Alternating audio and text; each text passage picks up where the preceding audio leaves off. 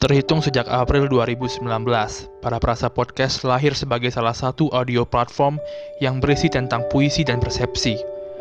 Pada dasarnya, kami percaya bahwa segala resah, gelisah, dan gundah ada baiknya diluapkan dalam sebuah karya.